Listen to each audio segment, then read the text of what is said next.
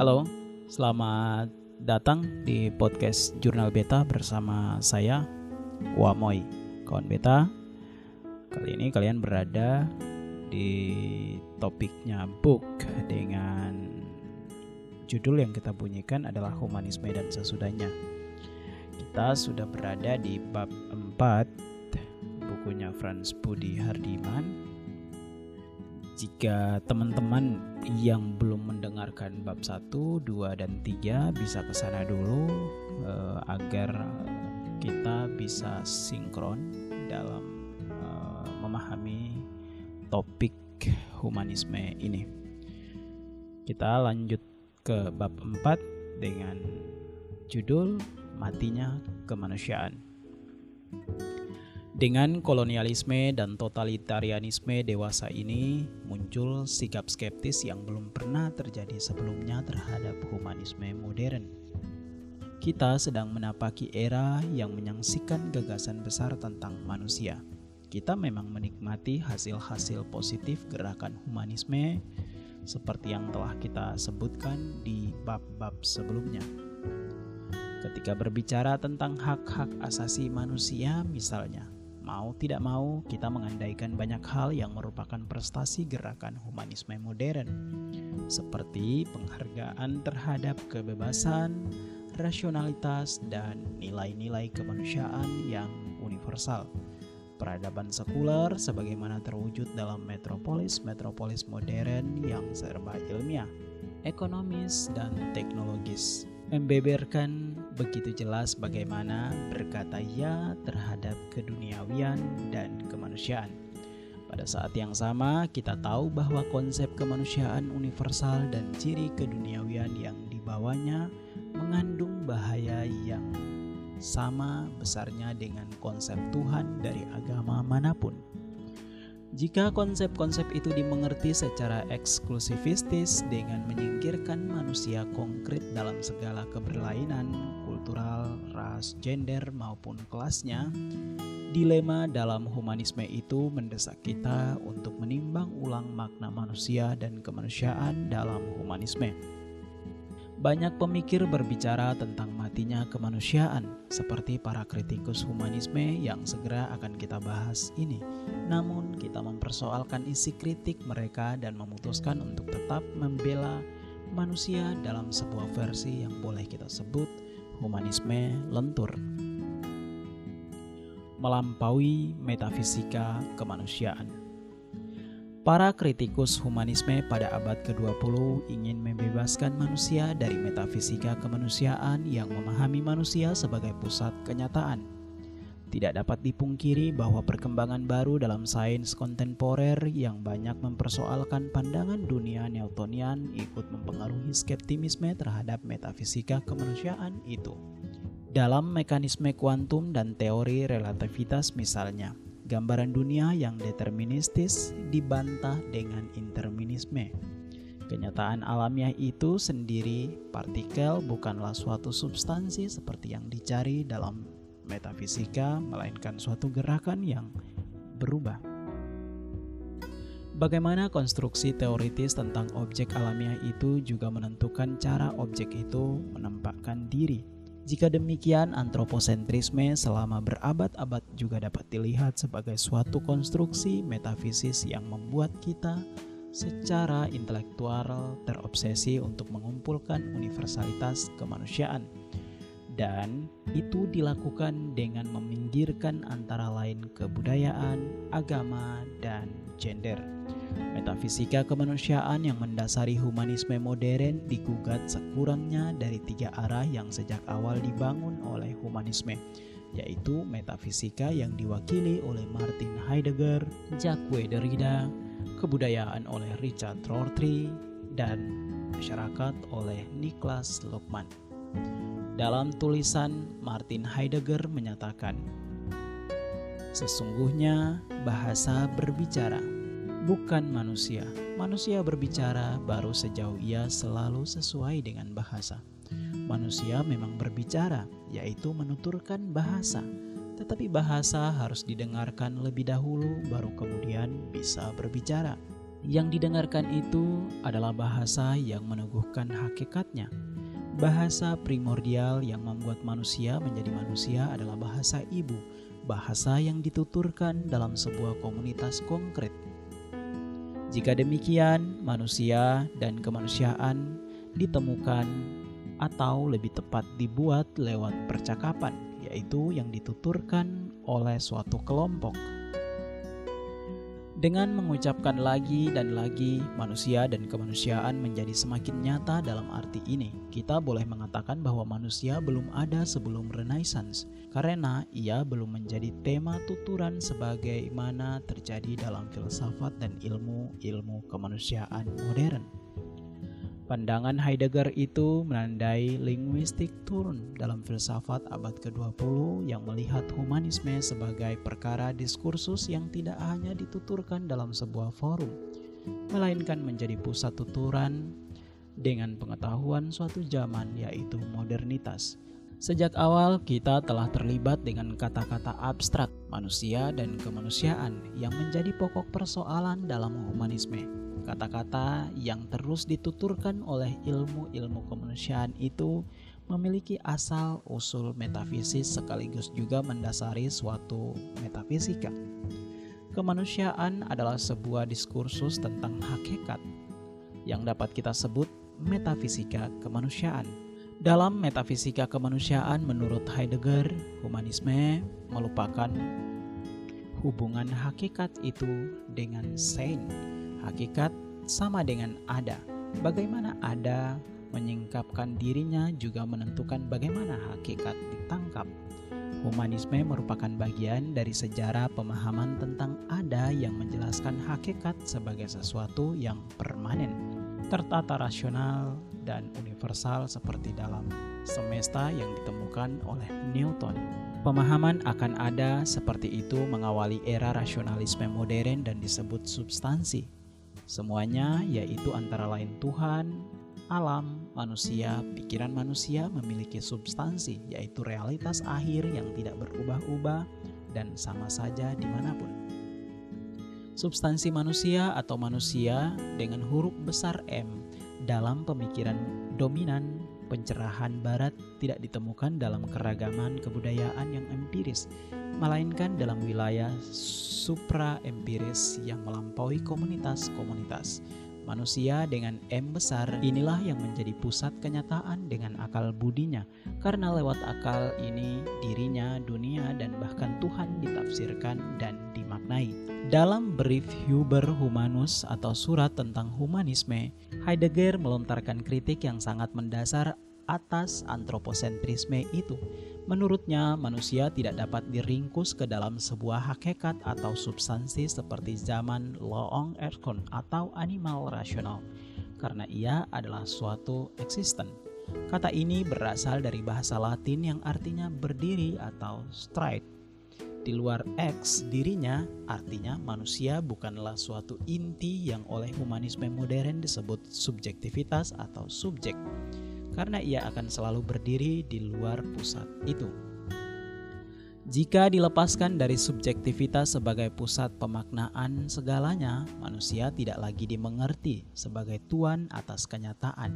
Har des Seinden, sebagaimana dalam ajaran Marx dimengerti sebagai pembuat sejarah, atau dalam ajaran Sartre sebagai kebebasan mutlak atau eksistensi mendahului esensi. Humanisme mengandaikan bahwa manusia ada lebih dulu dan baru kemudian dunia atau kenyataannya atau Seinden. Ada dengan dikenali manusia, struktur metafisis yang menempatkan dunia di bawah kehendak dan dalam kendali bahasa dan subjek inilah antroposentrisme. Heidegger mengemukakan pandangan yang berbeda dengan humanisme. Menurutnya, kenyataan atau Seinden telah ada lebih dahulu dan manusia dipanggul oleh ada atau Sein. Kenyataan itu untuk memelihara kebenaran. Jadi, manusia tidak berada di pusat kenyataan, melainkan berdampingan dengannya. Heidegger menyebut manusia sebagai gembala ada atau tetangga ada. Karena manusia bermukim dalam kedekatan dengan ada. Dari kritik Heidegger inilah berkembang diskursus yang menandai kritik-kritik atas humanisme modern. Derrida belajar banyak dari Heidegger untuk melepaskan manusia dari metafisika kemanusiaan. Filsuf Prancis kontemporer ini memberi penjelasan yang lebih rinci mengenai keadaan manusia setelah dilepaskan dari pusat kenyataan dan menjadi tetangga ada. Ingat, tetangga tidak menyiratkan suatu hierarki makna, melainkan kesetaraan makna. Pertama-tama, dia menghentikan seluruh upaya untuk menemukan makna asli segala sesuatu yang menjadi obsesi peradaban Barat sejak ada filsafat, yaitu menghentikan pencarian hakikat. Pencarian humanisme akan kodrat manusia dengan demikian juga dihentikan. Mengapa? Bukan hanya bahwa pencarian itu sia-sia, melainkan juga bahwa upaya itu dengan segala ketulusannya sekalipun akan membangun suatu rezim makna yang bersifat hierarki yang akan meminggirkan hal-hal yang tidak dapat dimasukkan ke dalam makna yang dianggap asli itu. Bukankah dari oposisi antara asli dan tak asli, hakiki dan tak hakiki, muncul marginalisasi, alienasi, represi, dan destruksi atas the other sebagai yang tidak asli, sebagaimana dilakukan tuan-tuan penjajahan komunis dan Nazi. Untuk menghentikan pencarian hakikat dalam topik kita di sini, manusia dengan huruf besar M dan melepaskan manusia dari pusat kenyataan. Derrida melakukan suatu hermeneutik atau penafsiran radikal yang disebut dekonstruksi. Dekonstruksi bukanlah destruksi, melainkan suspensi makna atau difference, yaitu menunda untuk mengembalikan sesuatu pada makna aslinya. Manusia tidak bisa dikembalikan pada satu titik primordial, misalnya kemanusiaan universal, versi humanisme karena titik primordial itu tidak ada. Jika tahta tempat segala makna ditentukan itu kosong, tidak ada lagi meta referensi yang menjadi ukuran untuk menentukan suatu itu asli atau tidak. Makna tidak lagi diasalkan pada makna induknya yang dianggap menduduki tahta itu, melainkan dihasilkan dengan apa yang disebut intertekstualitas, yaitu menghubung-hubungkan makna yang satu dengan makna yang lain secara interpretatif. Melakukan dekonstruksi atas metafisika kemanusiaan berarti memahami manusia tidak dengan cara mengasalkannya dari suatu makna induk tentang kemanusiaan. Misalnya, kemanusiaan yang dianggap telah ditemukan oleh humanisme Dekonstruksi semacam itu berarti menghubungkan secara interpretatif pemahaman yang satu dengan yang lain tentang manusia tanpa maksud mencari dan memulihkan hakikat universalnya. Dengan ungkapan lain, manusia dengan huruf besar M diganti dengan manusia, manusia dengan huruf kecil m yang berdiri setara. Pertukaran M besar dengan M kecil ini memiliki implikasi yang jauh. Kemanusiaan universal versi humanisme didesentralisasikan dan dipluralisasikan. Untuk memahami manusia, kita tidak bisa lain kecuali menafsirkan berbagai pemahaman kultural tentang manusia dengan mengandaikan kesetaraan mereka. Persamaan dengan seluruh filsuf kontemporer yang melakukan linguistik turun seperti pasca strukturalis Rorty, seorang pragmatis Amerika Serikat, memandang humanisme sebagai perkara kontingensi bahasa. Mengacu pada Wittgenstein dan tradisi hermeneutik, dia menolak fungsi bahasa sebagai deskripsi dunia seolah-olah dunia ada di luar bahasa. Menurutnya, bahasa menciptakan dunia dan sejarah tidak lain daripada perubahan semena-mena language game yang satu ke yang lain, sehingga kenyataan juga berubah menurut perubahan language game itu.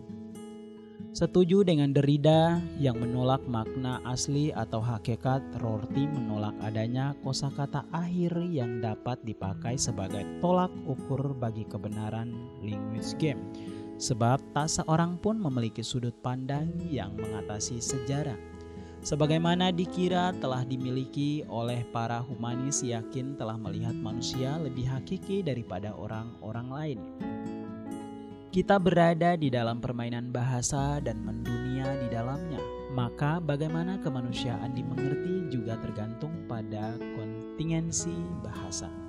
Ilmu pengetahuan, seni, kebudayaan, dan politik bagi Rortri bergerak dalam horizon permainan bahasa yang terus berubah dalam sejarah.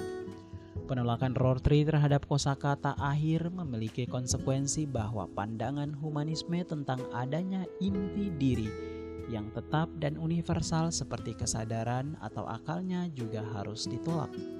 Manusia bergerak atau lebih tepat merangkak dalam permainan bahasa maka kediriannya juga dicetak oleh dan berubah sesuai dengan berbagai pemakaian metafor yang silih berganti. Yang ditolak di sini adalah antroposentrisme Kant tentang menempatkan subjek sebagai kosakata akhir yang seolah berada di luar language game. Pandangan Kant tentang kesadaran begitu katanya membuat kedirian menjadi Tuhan yang sebenarnya terjadi menurut Rorty adalah bahwa penemuan akal sebagai hakikat manusia dalam humanisme tidak lain daripada penemuan bahasa baru atau metafor baru yang juga akan merubah dengan ditemukannya metafor lain.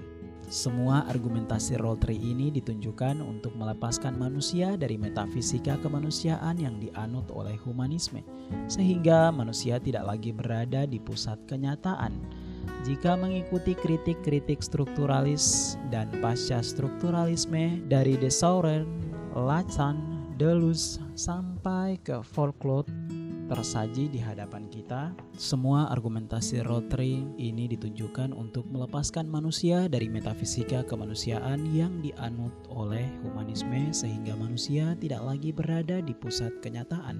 Jika mengikuti kritik-kritik strukturalis dan pasca strukturalis dari De Dausser, Lacan, Dulles sampai ke folklore tersaji di hadapan kita suatu kesangsian mendasar atas konsep-konsep yang mengagungkan peranan sentral manusia seperti otonomi, kebebasan, kesadaran individu, person, atau singkatnya subjek. Rotary banyak belajar dari pasca strukturalisme dan dekonstruktivisme. Dalam upaya menghentikan pencarian inti diri dan kosakata akhir bagi segala sesuatu, karena manusia mendunia di dalam bahasa, Kontingensi bahasa menurut Rotary juga berimplikasi pada kontingensi kediriannya. Pertanyaannya, untuk apakah decentering of subject ini? Bagi Rotary, hal itu berkaitan dengan masalah pragmatis yang sebenarnya mendasari humanisme modern, yaitu solidaritas sosial.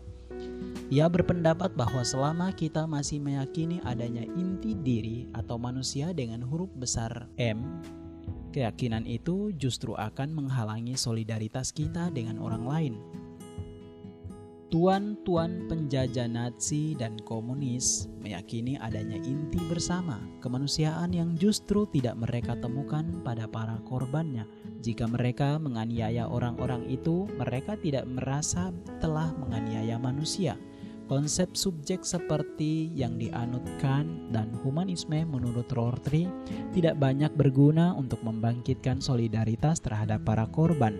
Seseorang menolong para tetangga Yahudinya bukan karena orang itu adalah makhluk rasional, melainkan karena misalnya mereka sama-sama penduduk kota Milan. Anggota serikat buruh, bapak atau ibu, anak-anak yang masih kecil. Menurut Rotary, untuk membangkitkan solidaritas kemanusiaan tidak perlu dirumuskan secara metafisis, melainkan dialami.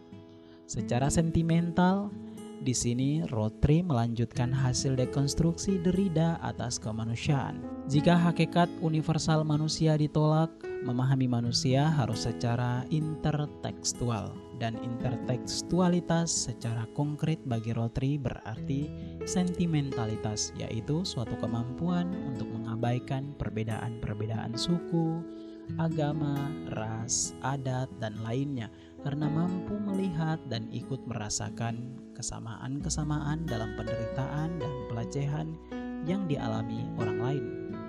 Kemampuan sentimental inilah yang membuat orang-orang di seberang lautan juga bisa termaksud kita. Metafisika kemanusiaan harus dilampaui dengan kemanusiaan sentimental yang memperluas horizon kemanusiaan lewat rasa kekitaan.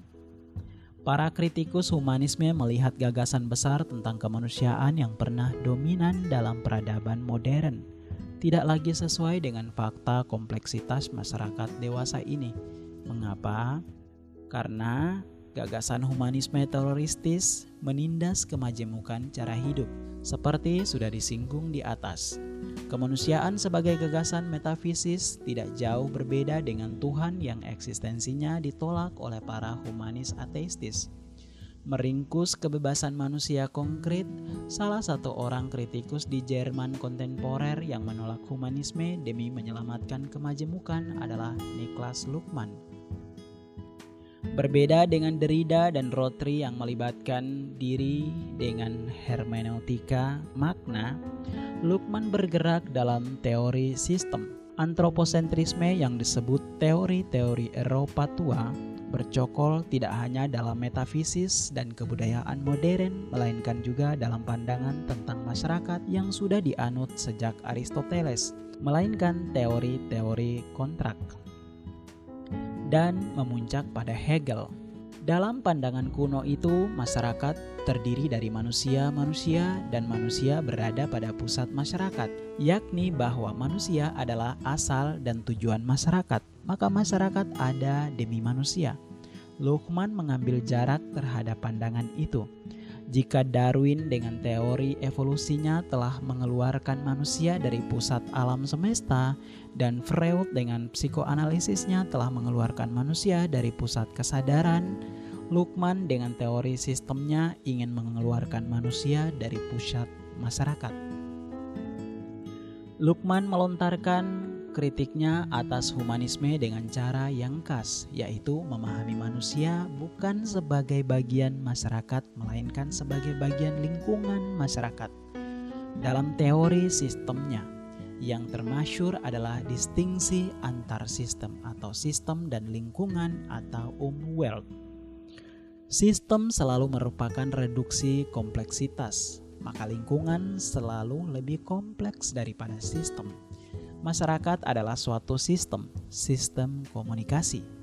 Kalau demikian, manusia tidak berada dalam masyarakat, melainkan di luar, yaitu dalam lingkungan. Mengapa? Karena manusia bukan sistem komunikasi saja. Manusia terdiri dari banyak sistem, antara lain sistem organis seperti otak, pencernaan, hormon, otot, sistem psikis berupa kesadaran, dan sistem semiotis berupa komunikasi atau bahasa. Hanya sebagian manusia saja yang masuk dalam masyarakat, yaitu komunikasinya. Tetapi komunikasi pun akan bergerak sendiri sebagai sistem yang mereproduksi dirinya. Luhmann menyebut kemampuan sistem untuk menghasilkan dirinya autopis komunikasi karena begitu menjadi sistem lepas dari penuturannya dan menghasilkan diri, maka sistem komunikasi subjectless. Komunikasi tidak lagi bisa dihasilkan pada manusia, ia menjadi anonim. Sehingga kita dapat berkata bahwa bukan manusia-manusia yang berkomunikasi dalam masyarakat, melainkan komunikasi berkomunikasi dengan komunikasi. Menurut versi humanisme, yaitu subjek atau kesadaran adalah sistem psikis atau suatu sistem tersendiri yang juga autopotis yang berada di luar masyarakat, yaitu di dalam lingkungan bagi sistem komunikasi. Dalam pemikiran Luhmann terjadi dalam dua arti. Pertama, manusia tidak lagi dipahami sebagai pusat masyarakat karena ia kui sistem psikis sehingga tidak memiliki kedudukan istimewa di atas sistem-sistem lainnya, melainkan sederajat dengan mereka. Karena itu, demikian tulis Lukman, manusia tidak lagi merupakan ukuran masyarakat, gagasan humanisme ini tidak dapat dilanjutkan. Dalam kompleksitas sosial pasca humanisme, menurutnya tidak ada ukuran yang menjadi pusat segalanya. Tiap sistem memiliki ukurannya masing-masing yang tidak dapat diukur oleh sesuatu, sebut saja mata norma sebagai ukuran takdir. Kedua, desentralisasi subjek berarti juga memahami manusia bukan sebagai kesadaran atau rasionalitas belaka, sebagaimana dianut oleh humanisme. Manusia sebagai individu adalah semacam masyarakat yang terdiri atas banyak sistem di dalamnya. Karena itu, humanisme menentukan kemanusiaan pada rasionalitasnya adalah musuh berbahaya bagi kemajemukan. Karena itu, humanisme yang menentukan kemanusiaan pada rasionalitasnya adalah musuh berbahaya bagi kemajemukan. Karena berkat kemajemukan internalnya, manusia berada dalam lingkungan dan bukan dalam masyarakat. Ia tidak akan dapat dihabisi oleh rasionalitas ataupun moralitas yang dituturkan sistem komunikasi. Jadi, manusia bisa irasional dan immoral terhadap sistem komunikasi atau masyarakat karena ia berada di luarnya, yaitu menjadi bagian lingkungan. Keadaan itulah yang disebut kebebasan. Sekilas pemahaman manusia dan masyarakat sebagai sistem seperti menghidupkan kembali positivisme dan strukturalisme yang sudah dikubur beberapa pemikir kontemporer. Teori sistem juga terkesan menempatkan segalanya dalam sebuah keren naratif yang kehilangan kredibilitasnya dewasa ini, yaitu cerita agung tentang sistem. Kesan-kesan itu akan segera hilang jika kita mengetahui bahwa seperti dekonstruktivisme Derrida dan pragmatisme Rotary Teori sistem Luhmann merayakan kemajemukan struktur-struktur kecil dan cerita-cerita kecil yang mereproduksi diri mereka sendiri sebagai sistem-sistem utopis. Berbeda dengan banyak pemikir postmodern, Luhmann berhasil menjelaskan semacam keselarasan. Begitu banyak fragmen sistem masyarakat dewasa ini ke dalam sebuah bingkai yang sangat lentur kita sebut bingkai teori sistem itu lentur karena hubungan-hubungan di antara fragmen-fragmen itu tidak bersifat deterministis seperti yang dibayangkan selama beberapa abad dalam model mekanistik Newtonian, melainkan bersifat kontingensi seperti yang dianut dalam hermeneutika dari Heidegger sampai ke Derrida. Kontingensi komunikasi sosial itulah yang menyerahkan sistem-sistem pada perubahan dan gerak. Pada manusia, kontingensi itu ganda, karena dalam diri kita kontingensi komunikasi dan kontingensi kesadaran menentukan ciri peristiwa dan ketidakterdugaan hubungan kita dengan orang lain. Dalam arti ini, kelas, ras, agama, dan kategori-kategori umum lainnya tidak akan sanggup menghabisi manusia dan kemanusiaannya, karena manusia itu selalu berada di luar sistem-sistem itu sebagai bagian lingkungan. Humanisme lentur gagasan besar tentang manusia dan bakat-bakat kodratinya sebagai pusat pemaknaan seluruh kenyataan telah dianggap bangkrut oleh para kritikusnya. Gagasan ini telah menggerakkan sejarah dengan kategori-kategori yang melampaui sekat-sekat politik, agama, dan bahkan bangsa. Menjelang senjakala suatu zaman yang penuh obsesi pada isi langit, gagasan tentang kemanusiaan ini telah membantu terbitnya fajar baru suatu zaman yang memuja sekaligus menaklukkan isi bumi Zaman yang di dalamnya segala disandarkan pada kebenaran-kebenaran agama yang tidak terbantahkan berganti dengan zaman yang di dalamnya manusia dan akal budinya menjadi sumber segala kebenaran.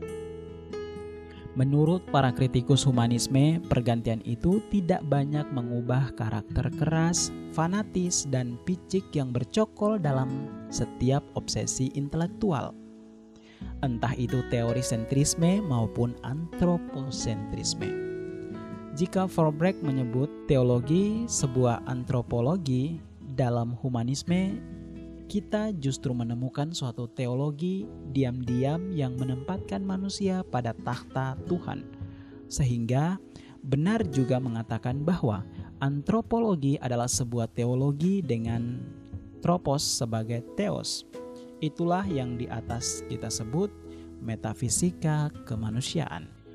Menurut para kritikusnya, Humanisme tidak banyak mengubah keadaan karena pergantian teori sentrisme ke antroposentrisme tidak beranjak keluar dari cara berpikir yang sama yang berlangsung dalam wilayah metafisika itu sendiri. Sudah di akhir abad ke-19 yang lalu Nietzsche lewat mulut tokoh buatannya, Zarathustra mengkhotbahkan bahwa manusia adalah sesuatu yang harus dilampaui jadi, para kritikus humanisme menghentikan gagasan besar itu. Kita harus angkat bicara dengan melontarkan pertanyaan. Sungguh tidak adakah yang masih dapat dibela dalam ide humanisme itu? Saya menyarankan untuk membedakan antara dua aspek dalam humanisme. Aspek pertama adalah kekuatan kritis non metafisis yang mampu menelanjangi kekuatan-kekuatan asing yang menindas manusia dan kemanusiaan. Humanisme etis itu berangkat dari suatu keprihatinan terhadap nilai-nilai kemanusiaan dan ingin melindungi martabat manusia dari kesewenangan yang dapat muncul dari agama, ideologi, sains, dan pandangan dunia lain yang bisa menjadi eksklusivistis. Aspek normatif dan kritis humanisme ini dapat membuat kita waspada terhadap berbagai bentuk penindasan, kebebasan, dan pelecehan akal manusia yang bisa menyelinap dalam pembenaran-pembenaran sakral agama dan kekuatan hegemonialnya. Tuhan yang ditolak oleh banyak humanis ateistik seperti Freudbeck, Nietzsche, dan Sartre adalah juga Tuhan yang ditolak oleh humanisme etis dan oleh banyak orang yang memiliki kedewasaan iman. Aspek kedua adalah bukan sesuatu yang normatif, melainkan faktual. Adalah kenyataan bahwa humanisme sebagaimanapun sebuah isme dan sebagai isme ia dapat dilambungkan menjadi sebuah metafisika kemanusiaan yang tidak hanya menjadi total, melainkan juga menjadi kebenaran kaku yang eksklusivistis dan hegemonial. Dewasa ini kita memiliki hak istimewa yang tidak dimiliki para pendahulu kita di masa lalu untuk menyadari bagaimana agama, filsafat, dan gagasan-gagasan besar lain yang mengklaim membela manusia dan kebebasannya. Telah ikut bersalah terhadap manusia itu sendiri, manakala mereka masuk ke dalam keterlibatan sejarahnya dalam pandangan-pandangan dunia, entah itu dari agama atau fideisme, sains atau naturalisme dan saintisme maupun filsafat atau humanisme bercokol suatu inti dogmatis atau seperti telah kita sebut kebenaran kaku yang narsistis, triumfalistis, eksklusivistis, dan bahkan patologis Keyakinan akan kebenaran kaku itu telah membawa manusia ke suatu tempat yang tidak ingin dituju oleh seorang pun yang masih memiliki akal sehat. Metafisika kemanusiaan seperti juga metafisika agama adalah seperti alienasi oleh sastrawan dan psikolog masa asal Austria, Hermann Brook. Gejala hipertrofi atau membengkaknya sebuah nilai yang mengklaim dirinya sebagai pandangan dunia total yang memikirkan atau menyingkirkan segala yang berbeda dengan dirinya. Yang dapat kita terima di sini adalah aspek kritis dan normatif humanisme yang bagaikan roh senantiasa waspada terhadap berbagai bentuk hegemoni, tidak hanya dari agama melainkan juga dari sains dan filsafat yang menindas manusia dan bakat-bakat kodratinya yang tumbuh dari akalnya, rasa perasaannya, dan juga naluri-nalurinya. Aspek kritis normatif ini bermukim di dalam akal manusia sebagai nilai-nilai kemanusiaan dan dalam hati manusia sebagai perasaan kemanusiaan yang bahkan sanggup menilai hipertrofi humanisme dalam nasisme dan komunisme sebagai kejahatan melawan kemanusiaan. Yang kita tolak adalah hipertrofi nilai humanisme menjadi metafisika kemanusiaan. Dengan penerimaan dan penolakan itu, kita sedang membela suatu bentuk pendirian yang berupaya melepaskan manusia dari tawanan metafisika kemanusiaan.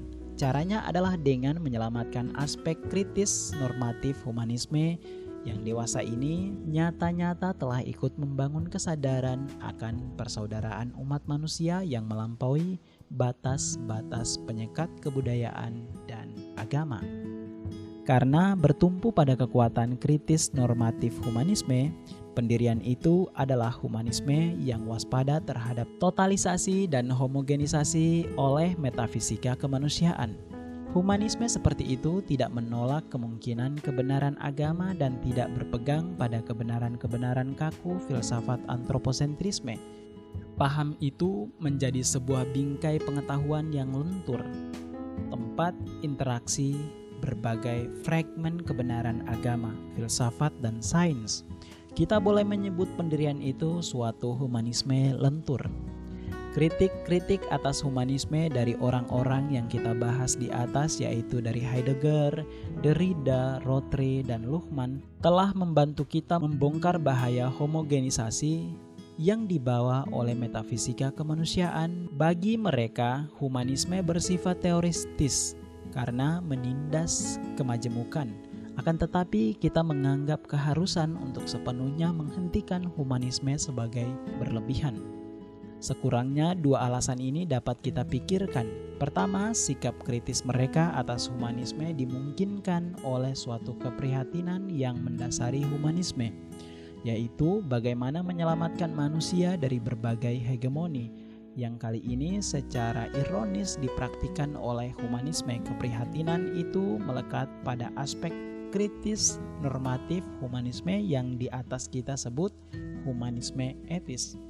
Sepenuhnya menghentikan humanisme berarti juga mencekik nyawa yang menggerakkan kritik-kritik itu sendiri, sehingga kritik-kritik itu menggagalkan tujuannya. Kedua, kritik-kritik atas humanisme sangat sensitif terhadap setiap upaya totalisasi yang dibawa oleh universalisasi kemanusiaan.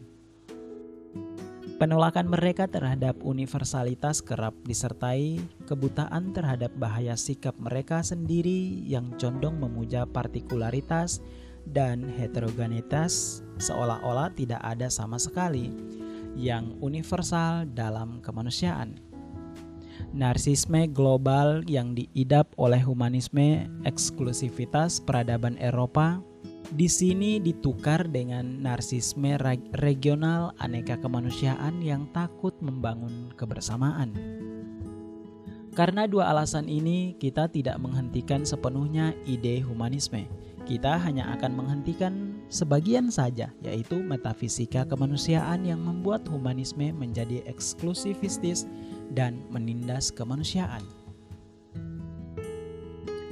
Humanisme lentur adalah suatu humanisme tanpa metafisika kemanusiaan. Versi ini tidak bertanya, ukuran-ukuran manakah yang harus kita tetapkan agar seseorang atau suatu kelompok termasuk ke dalam kemanusiaan kita, yaitu orang-orang seperti kita. Yang menjadi pertanyaan sebaliknya, bagaimana mencapai titik temu berbagai ukuran yang dimiliki oleh berbagai orang atau kelompok sehingga kita dan mereka dapat mengantisipasi suatu kemanusiaan yang akan datang. Humanisme yang kita belah tidak hanya meninggalkan versi eksklusivistis humanisme modern, melainkan juga kritis terhadap versi sekularistisnya yang menyangkal semua kebenaran agama.